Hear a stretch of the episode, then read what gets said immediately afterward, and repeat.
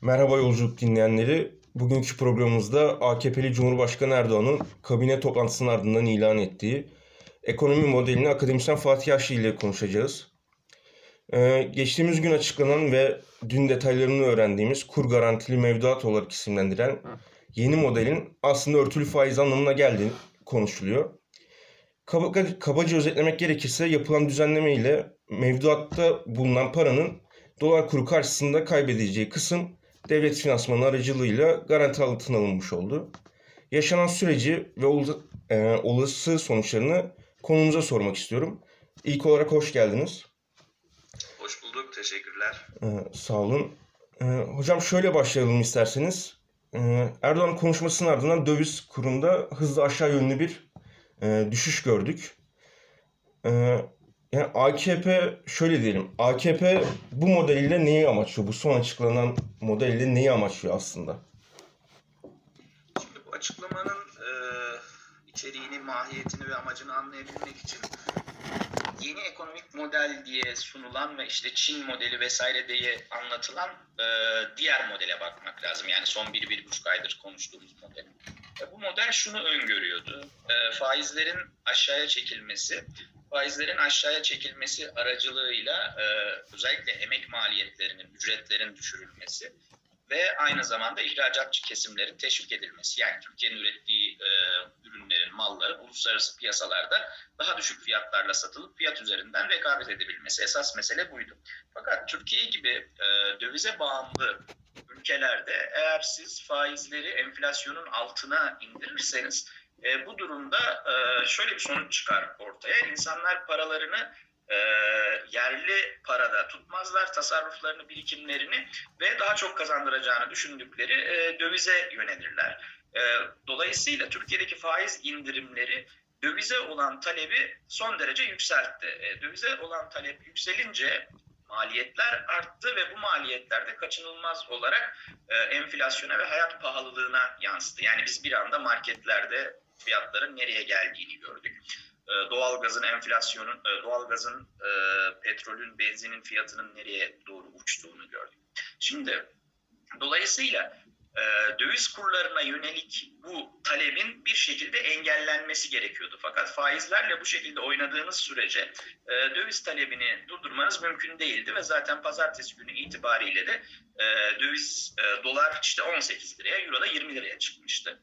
Bu bir yandan da şöyle bir dedikoduyu beraberinde getirdi. Acaba devlet e, bankalardaki döviz hesaplarına el koyabilir mi? Ve pazartesi günü itibariyle aslında bankalarda böyle bir şaya yayılmıştı ve e, bankalarda hesabı bulunan kişilerin ve şirketlerin paralarını bankalardan çekebileceği konuşuluyordu. Dolayısıyla buna karşı acil bir hamle yapılması gerekiyordu, önlem alınması gerekiyordu. İşte bulunan yöntem e, bu e, TL'yi koruma kalkanı denilen e, yöntem oldu. Nedir bu? Az önce senin de söylemiş olduğun üzere e, deniliyor ki siz belli bir vadeyle paranızı TL'ye yatırdığınızda eğer o vadenin sonunda e, kur farkı daha yüksek çıkarsa yani kurdan daha fazla gelir elde ediliyorsa aradaki farkı biz size ödeyeceğiz.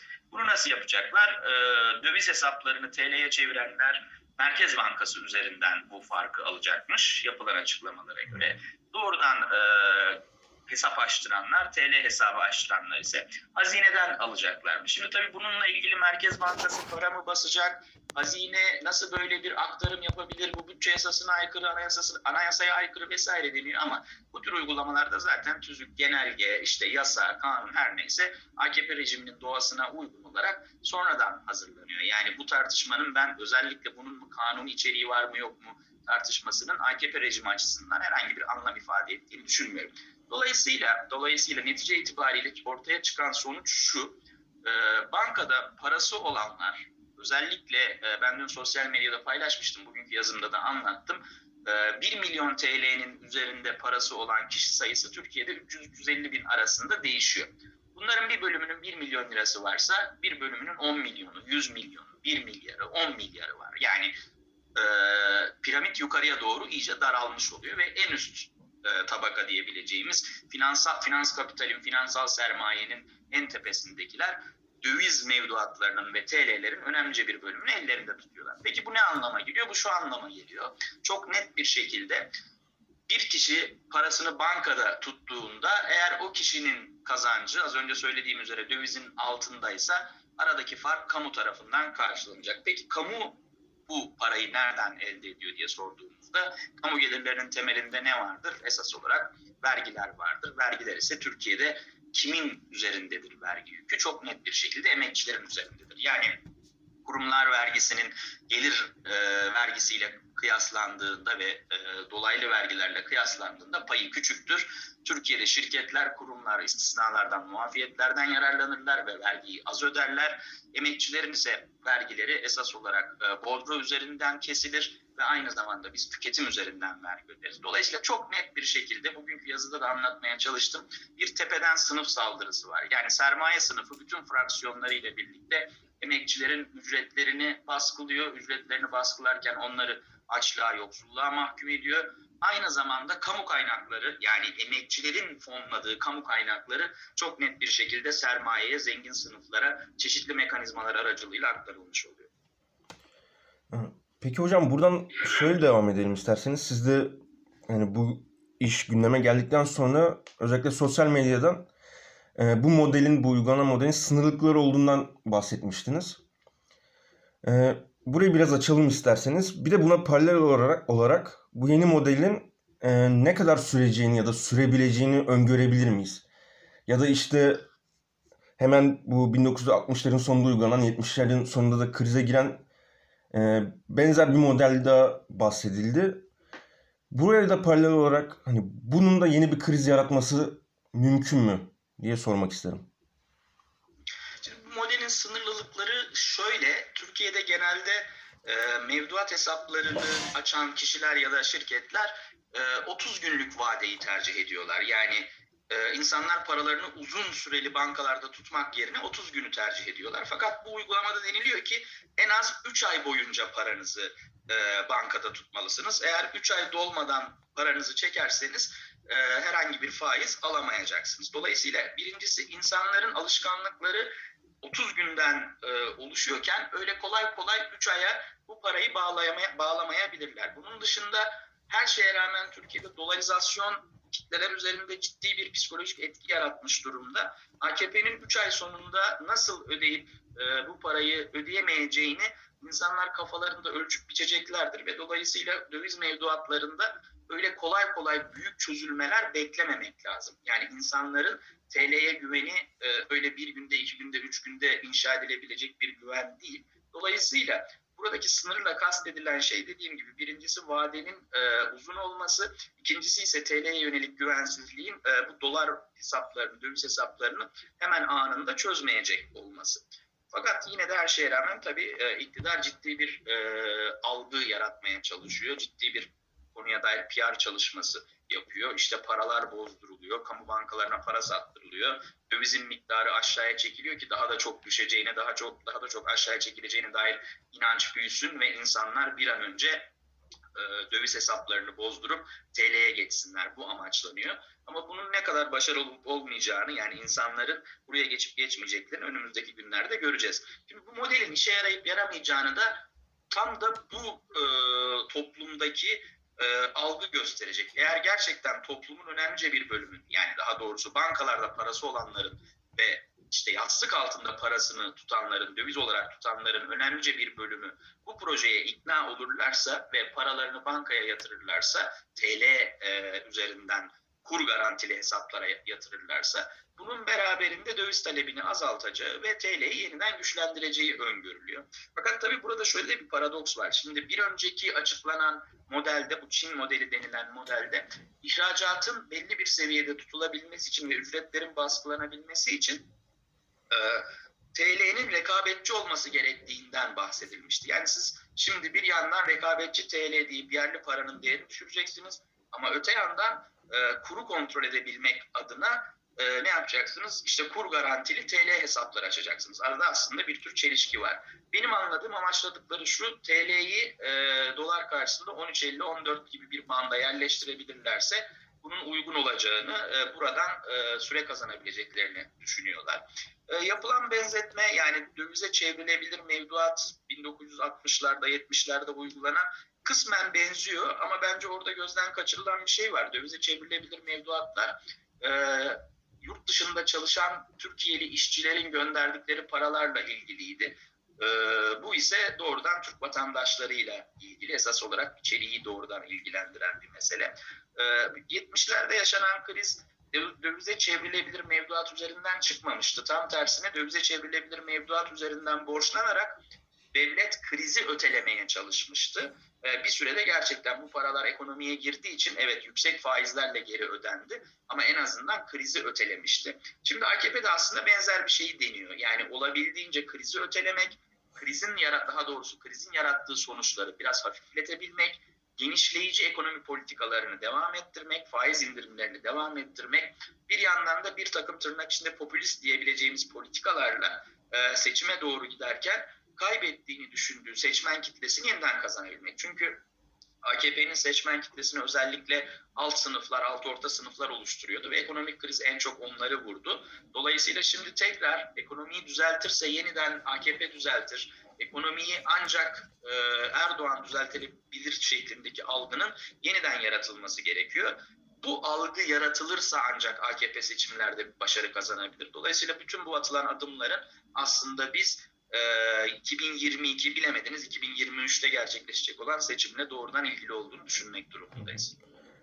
Hocam son olarak bıraktığımız yerden devam edelim isterseniz. Ee, şöyle ki yani bu modelin pazartesi günü duyurulmasının ardından e, bir süredir de devam eden bir seçim gündemi var. Bu, bu arada da sokak ve sandık ikilemi tartışması da devam ediyor.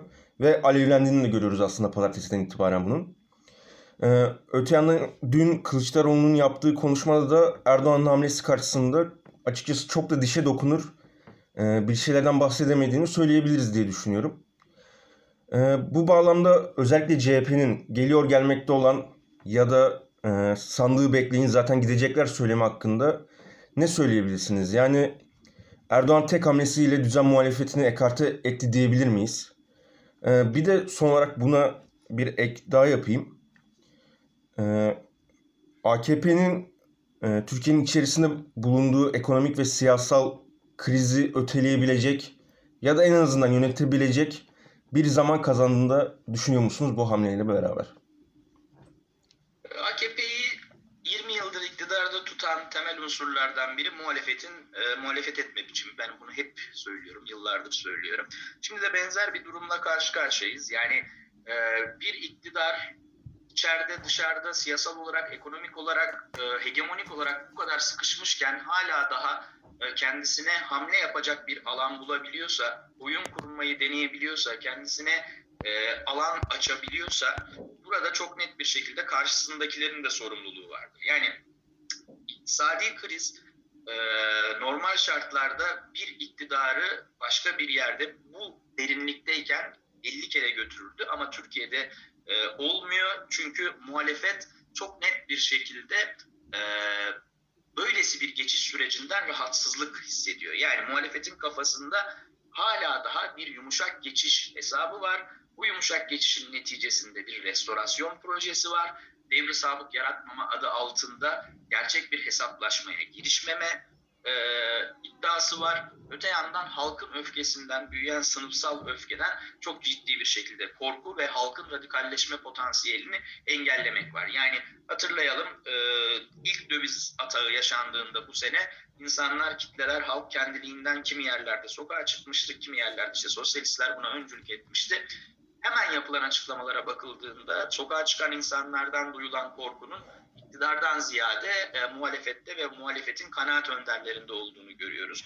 Uzunca bir süredir sadece saç, seçime ve sandığa indirgenmiş, buna endekslenmiş bir siyaset var ve bunun dışındaki her türlü yol, yöntem, yordam, öneri hem muhalefet partileri tarafından hem de onların e, AKP'ye yarar demekten başka bir şey yapmayan kanaat önderleri tarafından mahkum ediliyor. Bunu yaparsanız şöyle olur, bunu yaparsanız sokağa çıkarsanız sizi öldürürler, tararlar, o hal ilan ederler vesaire.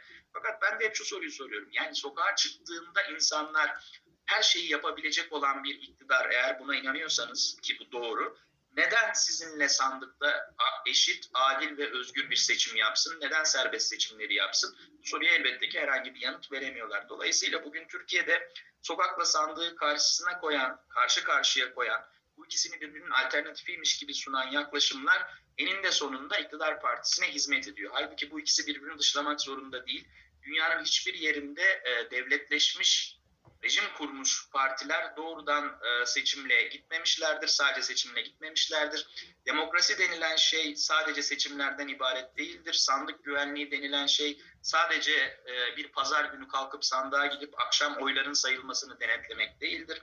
Türkiye'de çok bilinçli bir şekilde 15 Temmuz darbe girişiminden beri sokak kriminalize ediliyor, sokak öcüleştiriliyor ve bu sadece iktidar tarafından yapılmıyor. Bu aynı zamanda muhalefet tarafından da yapılıyor maalesef.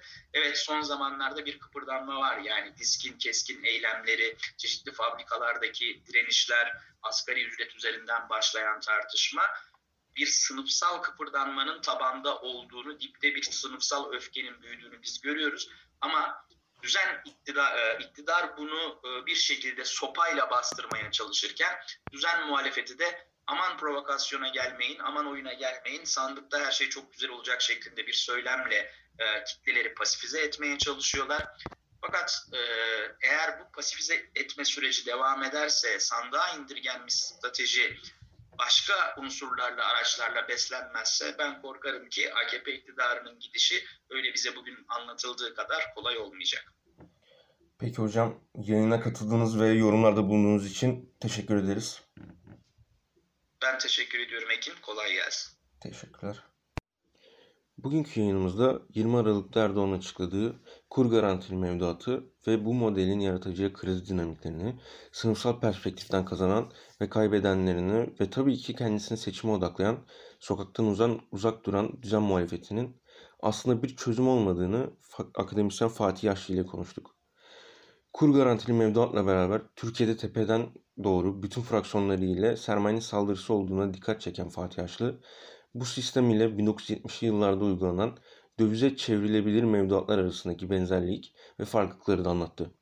Son olarak sokak ve sandık ikilim, ikileminde özellikle bu ikisini yan yana getirenlerin AKP hizmet ettiğini açıklayan Fatih Yaşlı, halkın radikalleşmesinden ve sokağa çıkılmasından iktidardan çok muhalefetin korktuğunu belirtti.